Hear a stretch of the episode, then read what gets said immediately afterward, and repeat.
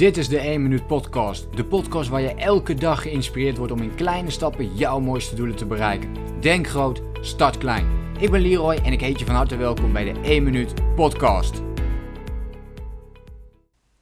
Gisteren een heel tof gesprek gehad met een eh, VIP 2.0 klant van mij. Dat is inmiddels coach ik uh, deze jongen al anderhalf jaar, dus al best wel lang. En Um, we zijn eventjes het jaar door, uh, door gaan lopen. Dus het, het, jaar van 2018. Als jij dit nu luistert, dan, dan zitten we al iets langer in 2019, uh, eh, denk ik. Want uh, ik, uh, ik plan dus de meeste podcasts wat verder vooruit. Dan ben ik ook eventueel bij ziekte, dan, dan loopt de dagelijkse podcast in ieder geval voor een paar weekjes nog door. dus het kan zijn dat we al iets verder in 2019 zitten. En toen we, zijn we eens gaan doorlopen van wat heb je nu eigenlijk ehm, geleerd het afgelopen jaar? Waar heb je de echte groei in doorgemaakt? En vaak kom ik daar zelf mee omdat de coachie, en de, de klant in dit geval, uh, VIP 2.0 lid, er meestal zelf niet zo naar kijkt. Niet zo kijkt van wat is mijn echte ontwikkeling geweest. Dus waar ben ik echt gigantisch in gegroeid. En dat is natuurlijk voor mij ook iets makkelijker om het van, van buitenaf te zien. En op een gegeven moment kwam, uh, kwam hij zelf eigenlijk al op het onderwerp. Joh, ik heb eens gekeken. Ik heb uh, vorig jaar bij jou de Master Life Pitstop gedaan. En dat is bij mij een, een sessie die je uh, kunt doen aan het einde van het jaar en in het begin van het jaar. Om te kijken van. Ja, om, om, om een lange, langdurige coachingsgesprek met mij te hebben. Over wat zijn je kernwaarden, waar wil je naartoe, wat worden je leefregels. Hè? Dus, dus welke gewoontes wil je gaan toepassen. naar alles wat ik je leer in deze podcast, video's enzovoort. Alleen dan dus heel erg persoonlijk gemaakt. Dus ik ga jou natuurlijk dan urenlang eigenlijk ondervragen. En we gaan ook meteen dat hele formulier invullen.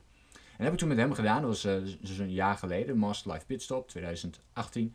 En hij ging daar eens naar terugblikken op dit moment. Dus hij zei, joh Leroy, ik, uh, ik heb eens teruggekeken naar die Master Life Pitstop van de vorige keer.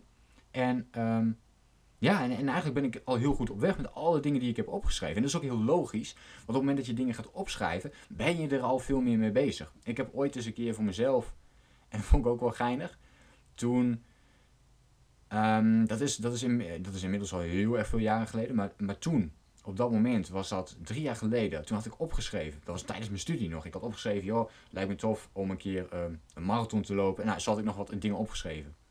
En ik heb er nooit meer naar omgekeken. Dus het schrift dat, dat ligt ergens uh, um, te verpauperen, zeg maar. En opeens pak ik dat schrift erbij, omdat ik wat dingen aan het opruimen ben. En ik blader erdoor. En opeens zie ik staan dat ik toen had opgeschreven dat ik die marathon wilde lopen. En echt een paar maand, um, ik, ik, lees dat dus op het moment nadat ik een paar maand daarna net een marathon heb gelopen. Dus ik heb net een marathon gelopen, een paar maanden daarna uh, ruim ik het spul op en zie ik opeens staan dat ik een paar jaar geleden heb opgeschreven: ik wil een keer een marathon lopen. Terwijl ik er nooit meer over na heb gedacht. Beetje raar, misschien toeval, misschien niet. Maak jij er maar wat van. Ik, uh, ik denk dat het geen toeval is. Uh, en dat de dingen die je opschrijft in ieder geval in je onderbewustzijn blijven haken. En het zijn dus al sowieso dingen die jij heel graag wilt doen. Hè? En op het moment dat je dus meer gaat luisteren naar je gevoel, dan ga je uiteindelijk die dingen ook waarmaken. Dus ik vond het wel gaaf dat hij dat zo benoemde. En hij benoemde nog iets anders. En, uh, en uh, dat is hem heel erg bijgebleven, zei hij van ja, één ding wat ik echt van je heb geleerd, dat is uh, de balans bewaken. De balans bewaken tussen de doelen die je hebt. En dat vond ik een mooi, want hij zei van ja, weet je, soms dan had ik inderdaad hè, dat mijn um, relatie bijvoorbeeld gewoon niet goed liep, dat het, dat het, dat zelfs gebroken is.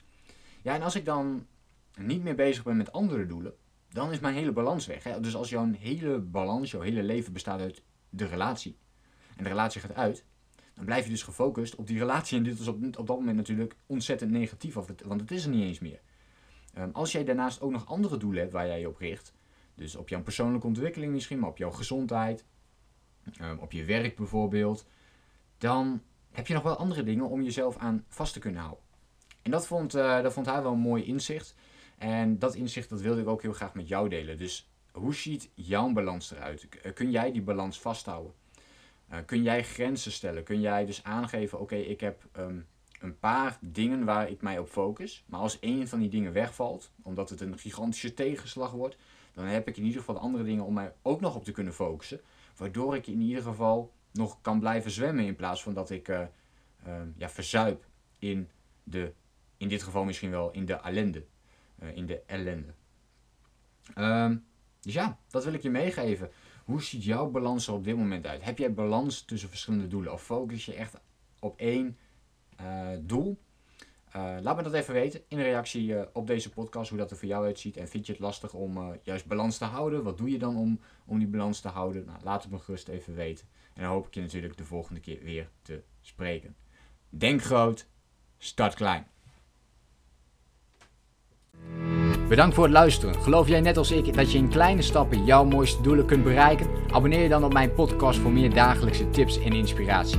Laat me weten wat je van de podcast vond, deel de inspiratie en geef het door.